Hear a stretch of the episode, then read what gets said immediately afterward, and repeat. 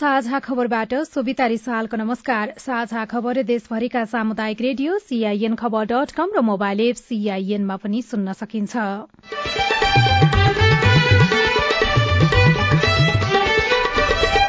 आगामी निर्वाचनको लागि उम्मेद्वारी दर्ता कोही आफै उपस्थित भए कसैको उम्मेद्वारी वारिसनामा मार्फत स्वतन्त्र उम्मेद्वारी दिनेको चहल पहल देशभरि नै जित सुनिश्चित भएको नेताहरूको दावी। यो चाहिँ कन्स्टिट्युसनलाई जोगाइराख्नुपर्छ भनेर जुन हामीले चाहिँ भनौँ न पार्लियामेन्टलाई चाहिँ रेस्टोर गर्ने काममा चाहिँ गर्यौं यसको पनि त मूल्याङ्कन अवश्य पनि गर्ला। वर्षाका कारण पाक्नै लागेको धान बाली नष्ट अघिल्लै वर्षको क्षतिपूर्ति नपाएका किसान फेरि चिन्तामा देशभर डेंगीको संक्रमण रोकिएन आनीबानी परिवर्तन गर्न विज्ञहरूको सुझाव। चाहिँ के याद गरौँ भन्दाखेरि तपाईँको घर परिवारमा कोही संक्रमित हुनुहुन्छ घर परिवार नभएर छिमेकमा पनि संक्रमित हुनुहुन्छ भने तपाईँ चाहिँ टोक्नबाट बस्नु होला भन्न चाहन्छु।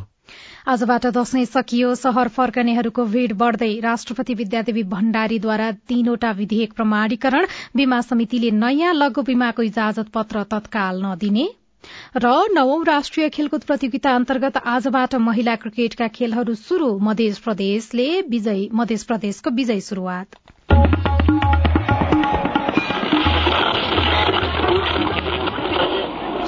रेडियो।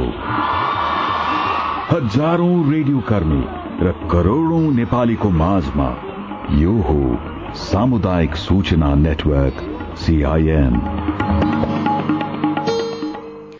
यसपटकको निर्वाचनमा सत्ता गठबन्धनका चार पार्टी र एमाले नेतृत्वको गठबन्धन बीच चुनावी प्रतिस्पर्धा हुने देखिएको छ। गठबन्धन गर्नुलाई पार्टीको सिद्धान्त छोडेको भनेर आलोचना एकातर्फ भएको छ भने अर्कोतर्फ दलहरूबीचको तालमेलले एक पार्टीले अर्को पार्टीलाई अग्रगामी प्रतिगामी वा पुरातनवादी भन्ने वा अस्तित्व नै स्वीकार नगर्ने परिपाटीको अन्त्य गरेको भन्दै प्रशंसा पनि भइरहेको छ। अब खबर सुशीला श्रेष्ठबाट। आगामी मंगिर चारमा हुने प्रतिनिधि सभा र प्रदेश सभा निर्वाचनको लागि प्रत्यक्षतर्फको उम्मेद्वारी दर्ता आज भएको छ। देशभरका एक सय पचहत्तरवटै निर्वाचन क्षेत्रमा आज उम्मेद्वारी दर्ताको काम सकिएको हो।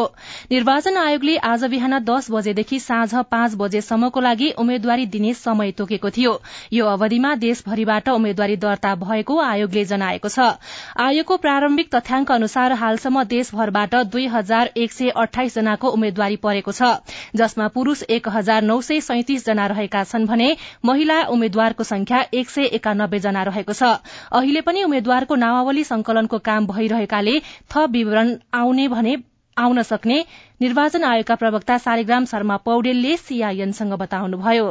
अधिकांश मनोनयन सकियो तर अब कतिपय ठाउँमा त्यो प्रोसेसमा छिरिसकेका हाम्रो कार्यालय परिसरभित्र छिरेका र डकुमेन्टहरू प्रविष्टि गर्न बाँकी ती प्रक्रियागत कार्यालयभित्रका कामहरू मात्रै बाँकी छन् कतिपय ठाउँमा। त्यसो भए दर्ता भएको अहिलेसम्मको प्रारम्भिक डाटा चाहिँ भन्न सकिनेछ अहिलेसम्म प्राप्तमा प्रतिनिधि सभातर्फ एक्काइस सय अठाइस पुरुष उन्नाइस सय सैतिस महिला एक सय एकानब्बे छन् भने प्रदेश सभातर्फ कुल अठाइस सय पैँतालिसको मनोनयन परेको छ। यसमा छब्बिस सय पुरुष दुई सय चौवालिस महिला र अन्य एक। निर्वाचन आयोगले सतहत्तर मुख्य निर्वाचन अधिकृतको कार्यालय र अठासीवटा निर्वाचन अधिकृतको कार्यालय मार्फत मनोनयन दर्ताको व्यवस्था मिलाएको थियो। उम्मेद्वारी दर्ता गराउनेहरूमध्ये कोही बिहान दस बजे नै निर्वाचन अधिकृतको कार्यालय पुगेका थिए भने कोही ढिला गरी पुगे। यसपटकको उम्मेद्वारी अघिल्लो संघीय निर्वाचनको तुलनामा केही फरक देखिएको छ। कतिपय शीर्ष नेता आफ्नो निर्वाचन क्षेत्र छोडेर अर्को निर्वाचन क्षेत्रमा पुगेका छन् भने यसपटक स्वतन्त्र उम्मेद्वारी दिनेहरूको चहल पहल देशभरि नै बढ़ेको छ। उम्मेद्वारी मनोनयनका लागि स्थापित दलका शीर्ष नेताहरू आज हतारमा देखिन्थे। कोही आफै निर्वाचन क्षेत्र पुगेर दल बल सहित उम्मेद्वारी दिए भने कसैले वारिसनामा मार्फत मनोनयन दर्ता गराए। सत्ता गठबन्धन र प्रतिपक्षी दल एमाले नेतृत्व गरेको गठबन्धनमा पनि कतिपय नेताको टिकटको टुङ्गो बिहान अभेरसम्म पनि लागेको थिएन। हिजो निर्वाचन लड्ने निश्चित भएकाहरूको समेत आज टिकट खोसियो भने केहीले अन्तिम घड़ीमा टिकट पाएका थिए। ज जसले पार्टीको आधिकारिक समर्थन पाए उनीहरू दस बजे लगत्तै निर्वाचन कार्यालय पुगेर उम्मेद्वारी दर्ता गराए। दुवै पक्ष बीचमा बनेको दलीय गठबन्धनका कारण यसपटकको उम्मेद्वारी केही फरक देखिएको छ। अघिल्लो निर्वाचनमा चितवन क्षेत्र नम्बर तीनबाट जित्नुभएका माओवादी केन्द्रका अध्यक्ष पुष्पकमल दाहाल प्रचण्ड यसपटक गोर्खा क्षेत्र नम्बर दुई पुग्नु भएको छ। नेकपा समाजवादी पार्टीका नेता बाबुराम भट्टराई र आफ्नै पार्टीका केही शीर्ष नेताका बीच गोर्खा पुगेर प्रचण्डले आफू देशको साझा नेता भएकाले जुनसुकै क्षेत्रबाट पनि चुनाव लड्न सक्ने प्रतिक्रिया दिनुभयो। विकासको नेतृत्व यही टिमले गर्छ भनेर एकचोटि त्यसलाई स्थापित गर्नु छ भन्ने कहाँबाट भन्ने कुरा गर्दा मैले अन्तत गोर्खा जानु नै एउटा ठुलो राजनैतिक सन्देश हुन्छ देशलाई। प्रधानमन्त्री शेरबहादुर देउबा आफै जानु भएन तर पत्नी आर्जु राणा देउबा मार्फत डडेलधुरा क्षेत्र नम्बर दुईका लागि मनोनयन दर्ता गराउनुभयो। एमाले अध्यक्ष केपी शर्मा ओलीले झापा पाँचबाट उम्मेद्वारी दिनुभएको छ। देउबा र ओली दुवैलाई स्वतन्त्र उम्मेद्वारले चुनौती दिएका छन्। त्यसो त एकपटक देशभरि नै स्वतन्त्र उम्मेद्वारको लहर देखिएको छ। पत्रकार कलाकार डाक्टरदेखि विभिन्न पेसागत भूमिकामा रहेकाहरूले आफ्नो निर्वाचन क्षेत्रमा उम्मेद्वारी दिएका छन्।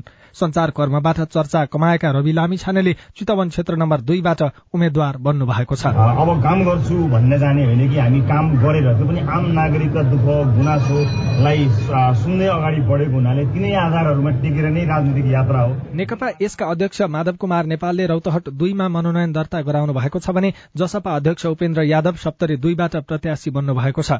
लोसपाका नेता राजेन्द्र महतोले सर्लाही दुई र कारागारमा रहेका रेशम चौधरीले नागरिक उन्मुक्ति पार्टीबाट बर्दिया दुईमा मनोनयन दर्ता गराउनु भएको छ।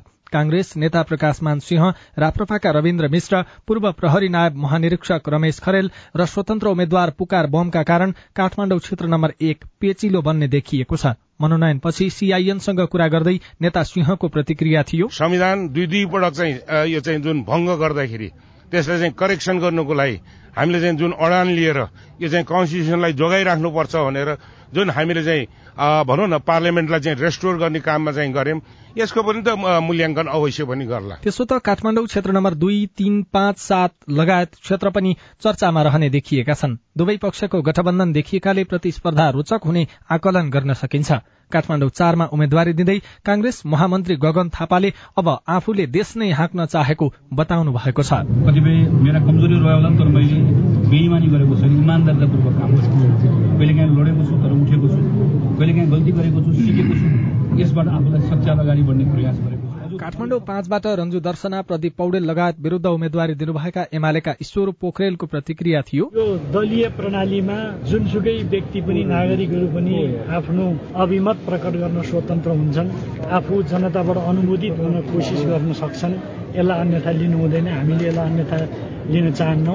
नेकपा एमाले आफ्ना विचार कार्यक्रम नीति योजनाको आधारमा जनताको बीचमा जान्छ। स्वतन्त्र उम्मेद्वारी दिनेहरूमा युवा धेरै देखिए पनि ठूला दलहरूबाट उम्मेद्वारी दिने अधिकांश दोहोरिएका छन्।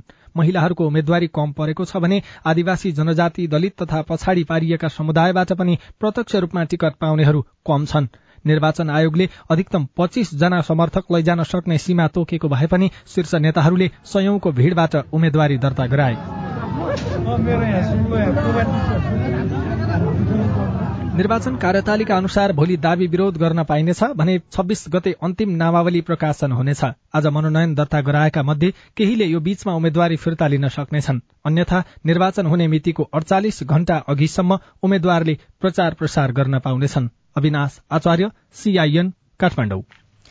आगामी निर्वाचनमा महिलाको प्रतिनिधित्व बढ़ाउन प्रत्यक्षतर्फको निर्वाचनमा पचास प्रतिशत महिला उम्मेद्वार मनोनयन गर्नुपर्ने महिला नेताहरूको माग भए पनि महिलालाई उम्मेद्वार बनाउन पार्टीहरू इच्छुक नभएको देखिएको छ। नेपाली कांग्रेसको तर्फबाट उनानब्बे जना उम्मेद्वारको मनोनयन दर्ता गर्दा जम्मा पाँच जना महिलाको उम्मेद्वारी दर्ता गरिएको छ भने एमालेबाट एघार जना महिला आगामी प्रत्यक्ष निर्वाचनमा भाग लिँदैछन्। एमाले देशभर एक सय पैंसठी मध्ये एक सय पैंतालिस क्षेत्रमा उम्मेद्वारी दिइएको छ। यस्तै ठाउँ ठाउँमा बागी उम्मेद्वारी पनि परेको छ। नेकपा एमालेका नेता प्रभु शाहको टीमले तालमेलबाट जनता समाजवादी पार्टीको भागमा परेका सबै क्षेत्रमा स्वतन्त्र उम्मेद्वारी दिएको छ। स्वयं शाहले रौतहट तीनबाट बागी उम्मेद्वारी दर्ता गराउनु भएको छ। एमाले टिकट दिए पनि उहाँले रौतहट तीनबाट बागी उम्मेद्वारी दर्ता गराउनु भएको हो। प्रतिनिधि सभातर्फ रूपन्देही क्षेत्र नम्बर पाँचमा नेकपा एमालेबाट दुईजनाको उम्मेद्वारी दर्ता भएको छ। उम्मेद्वारी दर्ता गरेका दुवैजनाले आफू पार्टीको आधिकारिक आधिकारिक उम्मेद्वार भएको दावी गरेका छन्। एमाले प्रवेश कमिटि सदस्य वासुदेव घिमिरे र खिमलाल भट्टराई दुवैको उम्मेद्वारी दर्ता भएको निर्वाचन अधिकृतको कार्यालयले जनाएको छ। यस्तै दाङ निर्वाचन क्षेत्र नम्बर एकमा नेकपा एमालेका निवर्तमान सांसद गंगा चौधरी सतगौवाले एमालेका उम्मेद्वार शान्ता चौधरी विरूद्ध उम्मेद्वारी दर्ता गराउनु भएको छ। धेरैजसो एमाले र कांग्रेसका बागी उम्मेद्वारी उठेका छनृ। प्रतिनिधि सभा र प्रदेशसभा निर्वाचनका लागि हुम्ला जिल्लाका उम्मेद्वारहरूले भने काठमाण्डुबाट नै मनोनयन दर्ता गराएका छन्। साता अघिदेखि परेको वर्षाका कारण हिमाली जिल्लाहरूमा हिमपात भइरहेकाले उडान हुन नसक्दा हुम्ला जिल्लाका उम्मेद्वारहरूले निर्वाचन आयोगमा उपस्थित भएर मनोनयन पत्र दर्ता गराएका हुन्।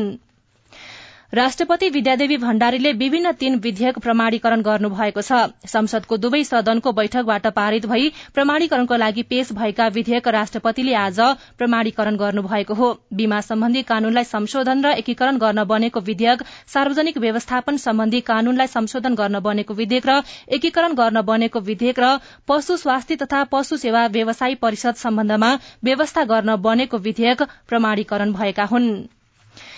बीमा समितिले नयाँ लघु बीमाको इजाजत पत्र अर्थात लाइसेन्स तत्काल नदिने भएको छ। बीमा समितिका अनुसार लघु बीमाको लाइसेन्सका लागि आवेदन दिएका कम्पनीहरूलाई तिहारपछि मात्रै लाइसेन्स उपलब्ध गराइने भएको हो।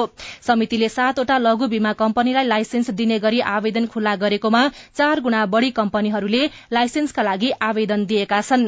कम्पनीहरूबाट प्राप्त कागजातको मूल्याङ्कन गर्न समय लाग्ने भएका कारण तत्काल लाइसेन्स उपलब्ध गराउन नसक्ने समितिका अध्यक्ष सूर्य प्रसाद सिलवालले सीआईएनसँग बताउनुभयो।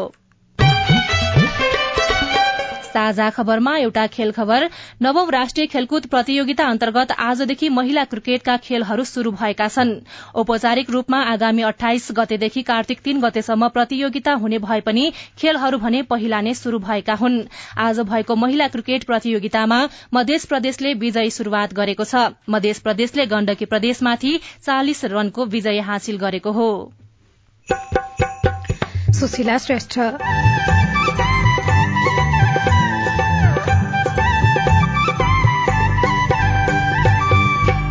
लगातारको पानीले पाक्नै लागेको धान बालीमा क्षति। निरन्तरको वर्षाले बाली नालीलाई सखाबै पारेको अवस्था हो। पाकिसकेको धान बाली भित्र्याउँदै समयमा परेको बेमौसमी वर्षाका कारण निकै नै पिरलो परेको छ। अघिल्लो वर्षकै क्षतिपूर्ति नपाएका किसान फेरि चिन्तामा। रिपोर्ट देशभर किन भएन डेंगी नियन्त्रण? हाम्रो पालो लगायतका सामग्री बाँकी नै छन्। सीआईएनको साझा खबर सुन्दै गर्नुहोला।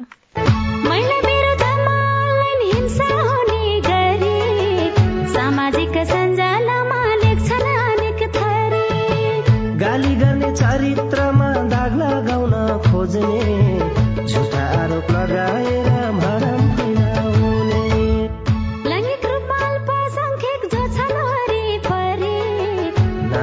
हिंसा गर्छन् होच्याउने गरी। नजिस्काउनु शरीर र यौनिकतालाई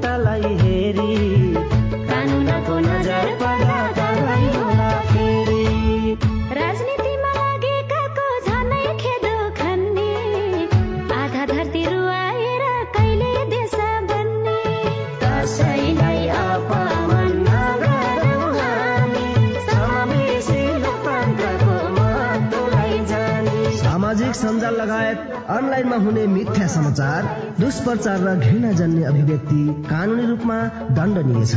अनलाइन हिंसा नगरौं र नसहौं। युएसएआईडी र एनडीआई नेपालको आर्थिक तथा प्राविधिक सहयोगमा पर्पल फाउन्डेसनको चेतनामूलक सन्देश।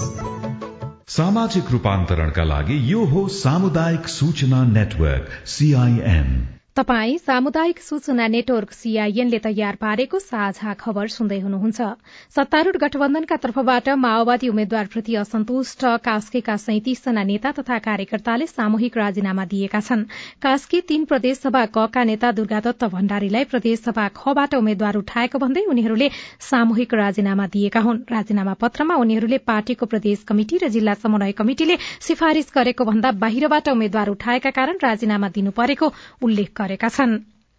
आजबाट यस वर्षको दशैं सकिएको छ। आज कोजाग्रत पूर्णिमाको दिनमा मान्यजनको हातबाट टिका र जमरा ग्रहण गरेपछि दशैं सकिएको हो। दशैं सकिएसँगै चाड़ मनाउन आ आफ्नो जन्मथलो पुगेकाहरू फर्कने क्रम बढ़िरहेको छ। जसका कारण सार्वजनिक तथा निजी यातायातमा भीड़ बढ़िरहेको छ। यस्तो अवस्थामा सुरक्षित र संयमित भएर यात्रा गर्न ट्राफिक प्रहरीले अनुरोध गरेका छनृ। लगातार परेको पानीका कारण डडेलधुरा लगायत सुदूरपश्चिममा पाक्नै लागेको धान बालीमा क्षति पुगेको छ। असारमा रोप्ने समयमा पानी नपरेर हैरान भएका किसान बाली भित्र्याउने बेला धेरै पानी परेका कारण समस्यामा परेका छनृ। गत वर्ष कार्तिक पहिलो साता परेको झरीले नोक्सानी बेहोरेका किसान यो वर्ष अन्नबाली भित्र्याउन नपाउँदा चिन्तित छन्। गत वर्षको बेमौसमी पानीले सुदूरपश्चिम प्रदेशको धानबालीमा सात अर्ब रूपियाँ बराबरको क्षति भएको थियो। यो वर्ष पनि उस्तै समस्या दोहोरिने बताउनुहुन्छ कैलाली टिकापुरका किसान पूर्ण विक कैलालीमा उन्नाइस गतेदेखि आएको वर्षातले ठूलो क्षति पुर्याएको छ। हजारौं घरहरू डुबानमा छन् भने सयौं बिघा धानबाली नष्ट गरेको छ। सय बिघा धानबालीहरू डुबानमा छन्। कतिपय किसानले धान काटेको अवस्था थियो भने काटेको धान चाहिँ भित्राउन पाएका छैनन् भने नकाटेको धान पनि अहिले डुबान भइरहेको अवस्था छ। काटेर राखेको धानको पाजामा पानी पस्दा सबै झरेको छ। बिउ झरे भन्दा बाक्लो हुने गरी खेतबारीमा धान झरेपछि किसानलाई बाँकी रहने धान पनि कसरी भित्र्याउने भन्ने पीर परेको छ। बैतडीको सिगास गाउँपालिकाका किसान राजेन्द्र साउद। निरन्तरको वर्षाले बाली नालीलाई सखाबै पारेको अवस्था हो। पाकिसकेको धान बाली भित्र्याउँदै समयमा परेको बेमौसमी वर्षाका कारण निकै नै पिरलो परेको छ। नदीहरूमा पनि पानीको सतह बढ्दै गएको कारण बाली नालीको चिन्ता बढ़ी छ। सुदूरपश्चिम प्रदेशका नौवटै जिल्लामा लगाइएको धानमा लगातारको झरीले क्षति पुर्याएको छ। प्रदेश सरकारले भने अझै केही दिन प्रदेशभर पानी पर्ने सम्भावना रहेकाले सतर्क रहन आग्रह गरेको छ। नोक्सानी बेहोरेका किसानलाई कृषि बीमा मार्फत सहयोग गरिने र बाँकीको बारेमा अध्ययन गरिने बताउनुहुन्छ आन्तरिक मामिला तथा कानून मन्त्री डाक्टर शरण बहादुर रावल। किसानहरूको चाहिँ जुन दुःख परेको छ जो बाढ़ पहिरो र विविध हिसाबले त्यसमा चाहिँ यावत रूपमा लाग्नुपर्छ भन्ने चाहिँ आह्वान गरिरहेका छौँ। विमानको हुन्छ नि जसको चार्ज लाग्ने भन्ने त्यो चाहिँ रकममा पनि हामीले केही सहुलियत दिने नीति ल्याएका छौँ। यस क्षेत्रका किसानहरूले चाँडो पाक्ने धान रोपेर खेतमा गहुँ छर्ने गरेका थिए तर यस वर्ष असोज मध्यसम्म पनि लगातार पानी परेका कारण भित्र्याउन नपाउँदै बाली बिग्रिन्छ कि भन्ने चिन्ता उनीहरूमा छ। Mamata Bhatt CIN radio Amargadhi Dadeldhura. साझा खबरमा अब हेलो मेरो नाम राम पाण्डे लमजुङबाट बोल्दैछु। लामो तथा छोटो दूरीमा यात्रा गर्ने यात्रीहरूले चाहिँ मोटरसाइकल चलाउँदाखेरि होइन त्यो कुराहरूमा ध्यान दिनुपर्छ होला। महानगरीय ट्राफिक प्रहरी प्रवक्ता राजेन्द्र प्रसाद भट्ट तपाईँको प्रश्न सुनेपछि सुझाव दिँदै भन्नुहुन्छ। पहिलो कुरा त चालक र यात्रु दुइटैले हेलमेट अनिवार्य रूपमा लगाउँदाखेरि सुरक्षित भइन्छ। अर्को कुरा चालकले सवारी साधन एकदमै तीव्र गतिमा नचलाउने ओभरटेक गर्ने बेलामा बढी दुर्घटना हुने भएको हुनाले सुरक्षित तवरले मात्रै ओभरटेक गर्ने र शारीरिक थकान हुने किसिमले चाहिँ यात्रा नगर्ने केही बेर यात्रा गरिसकेपछि अनिवार्य रूपमा रेस्ट गर्दै अगाडि बढ्ने गर्यो भने दुर्घटना कम हुन सक्छ। म प्रेम छेत्री काठमाडौँदेखि बोल्दैछु। यो लुम्बिनी प्रदेशले खुलाएको पाँचौँ तहको विज्ञापनमा पहिले वेबसाइट नखुल्ने हाल चाहिँ अनलाइन पेमेन्ट गर्दाखेरि यो युसिआबाट पेमेन्ट भइरहेको छैन। कहिलेसम्म हामीले यो यसको समाधान पाउन सक्छौ? जवाफ दिँदै हुनुहुन्छ लोकसेवा आयोग लुम्बिनी प्रदेशका प्रवक्ता कमल गेवाली। तेह्र गतेसम्म त डिस्टर्बै थियो। डाटा सेन्टर छ नि हेटौडामा भएको। त्यहाँ आगो लागि भएको भएर डाटा सेन्टरमै समस्या आएको थियो पछि त्यो समाधान भयो। अहिले त अरू साथीहरूले त तिरिरहनु भएको छ। म तुलसीपुर उपमहानगरपालिका वडा नम्बर सत्र मानपुर दाङबाट बोलिरहेको छु। कि एकजना व्यक्तिले तिसौँ बिघा जमिन सिँचाइ गर्ने कुलो मासेर प्लटिङ गर्न मिल्छ। कुलो कहिले भन्दा तपाईँको प्रश्न सुनेपछि दाङको तुलसीपुर उपमहानगरपालिका वडा नम्बर सत्रका वडा अध्यक्ष थलराज पुरीको जवाब छ। परम्परागत चलाएदेखि सत्ताइस सालको नापी आउनुदेखि अगाडि प्लावर पनि नापीमै नभएर पनि जमानादेखि चलाएको प्लावर त्यसलाई पूर्ण हुँदैन फाट्न हुँदैन। त्यसलाई यथावत चलाइदिनुपर्छ र त्यसलाई गर्नु पर्दैन। म पनि अब सिँचाइको लागि समन्वय गरेर उहाँलाई बोलाएर त्यसलाई सिँचाइ चाहिँ निकास पहल गर्छु। तपाईँ जुनसुकै बेला हाम्रो आइभीआर नम्बर शून्य एक बान्न साठी छ चार छमा फोन गरेर आफ्नो प्रश्न गुनासो विचार अनि प्रतिक्रिया रेकर्ड गर्न सक्नुहुनेछ। तपाई सामुदायिक सूचना नेटवर्क सीआईएनले काठमाण्डुमा तयार पारेको साझा खबर सुन्दै हुनुहुन्छ। साझा खबर मोबाइल एप नेपाली पात्रबाट पनि सुनिरहनु भएको छ। डेंगी संक्रमण प्रकोपको रूपमा नै फैलँदै चाडबाडको समयमा थप जोखिम। सर्वप्रथम त डेंगू बनेको के हो? र यसका लक्षणहरू के के हुन्? यसबाट बस्नका लागि हामीले के गर्नुपर्छ? र यो चाहिँ लामखुट्टेले सार्छ।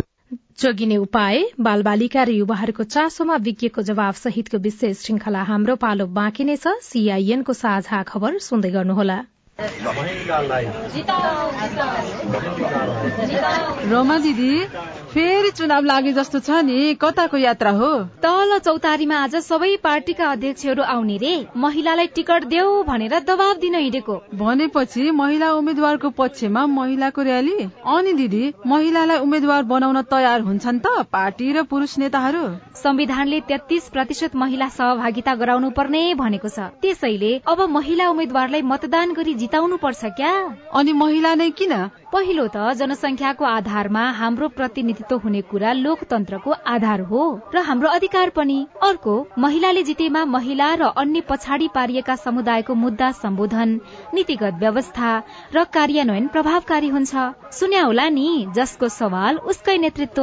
अनि सुन्नु त महिला उम्मेद्वार उठेपछि उनीहरूका घोषणा पत्रमा महिलाका लागि के के विषय राख्ने भन्ने बारे पनि यस्तै खबरदारी गर्नुपर्छ। घोषणा पत्रले महिलाको सवाल समेट्न सक्यो भने पो हाम्रा मुद्दा अगाडि आउँछन्। नेताहरू उत्तरदायी हुन्थे र हामी महिलाहरूलाई पनि भोट दिम दिम लाग्छ नि। महिला उम्मेद्वार उठेपछि महिलाका लागि के के कुरा चाहिन्छ भन्ने बारे त फेरि हामीले नै सुझाव दिने हो क्या?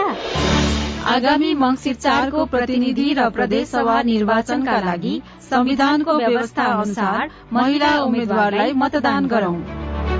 महिला पुनस्थापना केन्द्र ओरेक नेम्स केयर नेपाल र सामुदायिक सूचना नेटवर्क सीआईएन सामाजिक रूपान्तरणका लागि यो हो सामुदायिक सूचना नेटवर्क सीआईएन तपाई सामुदायिक सूचना नेटवर्क सीआईएन ले काठमाण्डुमा तयार पारेको साझा खबर सुन्दै हुनुहुन्छ। साझा खबरमा अब प्रस्तुत छ हाम्रो पालो।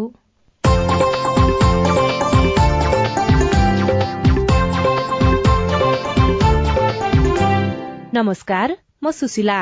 कार्यक्रम हाम्रो पालोमा हामी कोविड लगायत अन्य विपत्तिमा बाल सुरक्षा बाल अधिकार लगायत किशोर किशोरी र युवाहरूको सवाल लिँदै त्यसको उत्तर खोज्ने प्रयत्न गर्नेछौं। कोविड लगायत अन्य विपत्तिका बेला बाल सुरक्षाका सवाल यसले उनीहरूको मनोविज्ञानमा पारेको प्रभाव यो समयमा उनीहरूलाई उत्प्रेरणा कसरी दिने अभिभावक र शिक्षकबाट उनीहरू कस्तो व्यवहार खोजिरहेका छन् स्थानीय सरकार र सरकारवालाले उनीहरूका लागि के के गरिरहेका छन् जस्ता विषयवस्तुमा सवाल जवाफ खोज्नेछौ। आज हामी हाम्रो पालोको उनासत्तरीौं खण्डमा छौं। अहिले नेपालमा डेंगी संक्रमण प्रकोपको रूपमै फैलिरहेको छ। चाडबाडमा मानिसको चहल पहल बढ़ी हुने हुँदा डेंगीको संक्रमण पनि बढ़ने जोखिम रहेको विज्ञको भनाइ छ। डेंगीको संक्रमणबाट कसरी जोगिने लगायतका डेंगी सम्बन्धीका सवाललाई आज हामी समावेश गर्दैछौ जसको जवाफ दिँदै हुनुहुन्छ डाक्टर समीर मणि दीक्षित नमस्कार मदन म कक्षा छमा सर्वप्रथम त डेङ्गु भनेको के र यसका लक्षणहरू के के हुन् यसबाट बस्नका लागि हामीले के गर्नुपर्छ? मदनजी प्रश्नको लागि धेरै धेरै धन्यवाद। एउटा भाइरस छ डेङ्गी भाइरस भन्ने। त्यसका चारवटा प्रजातिहरू छन्। अहिले चाहिँ थाहा पाए अनुसार पाँचौँ पनि छ भन्छन् तर त्यो पूर्ण रूपमा पुष्टि भइसकेको छैन। ती चारवटाले चाहिँ नि यो डेङ्गी भनेको सबैले गराउन जाने होइन हो। खालि प्रजातिमा त फरक हो। र यो चाहिँ नि लामखुट्टेले सार्छ। यो अब हामी कोविडको कुरा गर्छौँ कोविड चाहिँ नि कुनै लामखुट्टे केही पनि चाहिँदैन। डेङ्गीको लागि चाहिँ एडिस इजिप्टाई भन्ने लामखुट्टे एकदम आवश्यक छ त्यो नभइकन सर्दैन अधिकांश अवस्थामा। त्यसले एउटा मान्छेलाई टोक्छ त्यो मान्छे संक्रमित पहिले नै थियो भने त्यो मान्छेको रगत सँगसँगै त्यो मान्छे भित्र भएको त्यो डेङ्गी भाइरस पनि उसले चुस्छ आफ्नो जिउभित्र लिएर जान्छ। उसलाई केही हुँदैन उसलाई चाहिँ हुने केही पनि होइन। तर त्यो लामखुट्टेले फेरि जब अर्को व्यक्ति स्वस्थ व्यक्तिलाई टोक्छ त्यो लामखुट्टेको रगत आफ्नो जिउभित्र भएको पदार्थ मध्येमा हाम्रो रगत र डेङ्गी भाइरस फेरि स्वस्थ मान्छेमा सर्छ। त्यसरी एकपछि अर्को सर्ने यो रोग हो। नमस्कार मेरो नाम दिलबहादुर। पहिले कोरोना भाइरस जस्तै अहिले डेङ्गुको जोखिम बढिरहेको अवस्था छ। हामी डेङ्गु लागेको मानिस वा ज्वरो लक्षण देखेको बिरामीहरूको नजिक हुँदा कतिको जोखिम हुन्छ।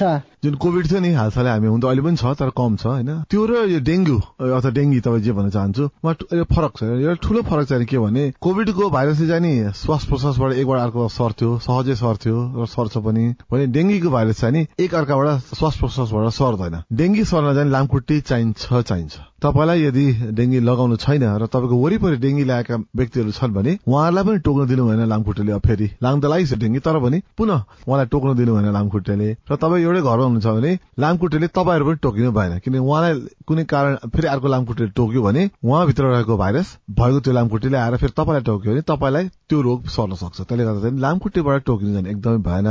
नमस्कार म बाजुरा कोल्टीबाट सुशील। डेङ्गे रोगका मुख्य लक्षणहरू के के हुन्? सुशील भाइ धन्यवाद। धन्यवाद। प्रश्नको लागि र एकदम महत्वपूर्ण प्रश्न। ज्वरो आउने टाउको दुख्ने जिउ दुख्ने यी कुरा पेट दुख्ने कसैलाई बान्ता हुने ढाड दुख्ने जोइन्ट दुख्ने मसल दुख्ने यी सबै कुराहरू हुन्छन्। तर चिकित्सकहरूको अनुसार यो विश्वकै अनुसन्धानले पनि देखाएको छ कि यो डेङ्गुमा एउटा ठूलो फरक के छ भन्दाखेरि हाड अथवा हाड दुखेको जोइन्ट असाध्यै दुख्छ विशेष गरी ढाडमा। त्यो एकदमै दुख्यो भने चाहिँ डेङ्गी हो भन्ने सम्भावना बढी छ। अरू अरू ज्वरोको तुलनामा यसमा चाहिँ ढाड असाध्यै दुख्छ र टाउको पनि एकदमै दुख्छ। त्यसबाहेक ज्वरो नै कडा ज्वरो आउँछ पर्छ भने छैन कोही कोहीलाई ज्वरो आउँछ तर आउनै पर्छ भने छैन तर यसमा रुगाखोकी चाहिँ फेरि हुँदैन। श्वास प्रश्वासको रोग होइन त्यसलाई रुगाखोकी चाहिँ यसमा फेरि हुँदैन। कहाँ डराउनु पर्छ भन्दाखेरि गिजाबाट रगत आउनु थाल्यो र भनौँ चौबिस घण्टामा तिनचोटि भन्दा बढी बान्ता भयो भने चाहिँ अलिक डराउनु पर्छ। त्यसो भने चिकित्सक अथवा अस्पताललाई तुरुन्तै सम्पर्क गर्नु जरुरी हुन्छ। नमस्कार म मन्जुल कावसुती नवलपुर। अहिले डेङ्गु देशव्यापी महामारीको रूपमा फैलिरहेको छ। मेरो प्रश्न के हो भने डेङ्गु लागेको मानिस नजिक पर्दा हामीलाई सर्छ कि सर्दैन होला? मन्जुजी एकदमै राम्रो प्रश्न। राम्रो कुरा के भन्दाखेरि डेङ्गी लागेको मान्छे र डेङ्गु नलागेको मान्छेको बिचमा अरू साधारण सम्पर्कबाट सर्दैन। श्वास प्रश्वासबाट सर्दैन उहाँले तपाईँमा खोक्नु भयो भने के पनि हुँदैन। तर उहाँलाई कुनै लामखुट्टेले टोक्यो संक्रमित व्यक्तिलाई टोक्यो र तपाईँलाई पनि त्यही लामखुट्टेले टोक्यो भने सर्ने सम्भावना बढ्छ। सरिहाल्छ भन्ने छैन तर सर्ने सम्भावना बढ्छ किनभने त्यो लामखुट्टेले नै बोक्नुपर्छ त्यो भाइरसलाई। त्यसले गर्दा चाहिँ यहीबाट कुरा चाहिँ के याद गरौँ भन्दाखेरि तपाईँको घर परिवारमा कोही संक्रमित हुनुहुन्छ घर परिवार नभएर छिमेकमा पनि संक्रमित हुनुहुन्छ भने तपाईँ चाहिँ टोक्नबाट बस्नु होला भन्न चाहन्छु। नमस्कार म समीक्षा बाजुरा डेङ्गीका हिसाबले कतिको जोखिम छ र यसको संक्रमण हुन नदिन के के गर्नु पर्ला? समीक्षाजी प्रश्नको लागि धन्यवाद। हेर्नुहोस् अहिले डेङ्गीको लागि कुनै पनि ठाउँ एकदम सेफ छ सुरक्षित छ भन्न सक्ने अवस्थामा छैनौँ। उदाहरण पहिले पहिले हामीले डेङ्गी भनेको खालि तराईका जिल्लाहरूमा मात्र हुन्छ भन्थ्यो। अब काठमाडौँमा आएर यसपालि त राम्रै ठुलै रूप ल्याएको छ उसले रूप धारण गरेको छ। त्यति मात्र होइन गण्डकी प्रदेशका उच्च हिमाली भेगमासम्म डेङ्गी पुगेको छ अथवा डेङ्गीको लामखुट्टे देखिएको छ। भनेपछि यो लामखुट्टेले सार्ने हुनाले यो लामखुट्टे जहाँ जहाँ पुग्छ नि त्यहाँ त्यहाँ यो संक्रमण सर्ने सम्भावना रहिरहन्छ। र त्यस कारण चाहिँ अब बाजुरा होस् कि तपाईँ जहाँ हुनुहुन्छ तपाईँ पूर्वदेखि पश्चिम उत्तरदेखि दक्षिण सबै ठाउँमा सर्ने सम्भावना छ। हो। अलिक उच्च भेगमा सम्भावना कम हुन्छ र न्यून भेगमा चाहिँ अलिक बढी हुन्छ। फरक त्यति मात्र हो तर हुँदै हुँदैन या सर्दै सर्दै भने छैन। अबदेखि चाहिँ नि हामी जहाँ छौँ लामखुट्टेलाई मारौँ लामखुट्टेबाट टोकाइबाट बचौँ। मुख्य कुरा धन्यवाद डाक्टर समीर मणि दीक्षितलाई। तपाईँका प्रश्न तथा जिज्ञासाको लागि तपाईँको आवाज रेकर्ड हुने आइभीआर नम्बर शून्य एक बान्न साठी छ चार छमा फोन गरेर प्रश्न तथा जिज्ञासा र विचार रेकर्ड गराउनुहोला। अर्को हप्ता प्रश्नको उत्तर खोजौला। साझा खबरमा हाम्रो पालो आजलाई यति। अब पालो।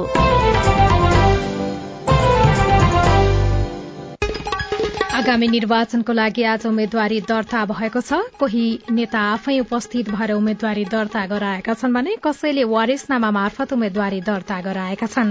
स्वतन्त्र उम्मेद्वारी दिनेको चहल पहल देशभरि नै देखिएको छ तर महिला र सीमान्तकृत समुदायका नागरिकको उम्मेद्वारी कम परेको छ। वर्षाका कारण पाक्नै लागेको धान बाली नष्ट भएको छ। अघिल्लो वर्षकै क्षतिपूर्ति नपाएका किसान फेरि चिन्तामा परेका छन्। र देशभर डेंगीको संक्रमण अझै पनि रोकिएको छैन। हानी परिवर्तन गर्न विज्ञहरूले नागरिकलाई सुझाव दिएका छन्।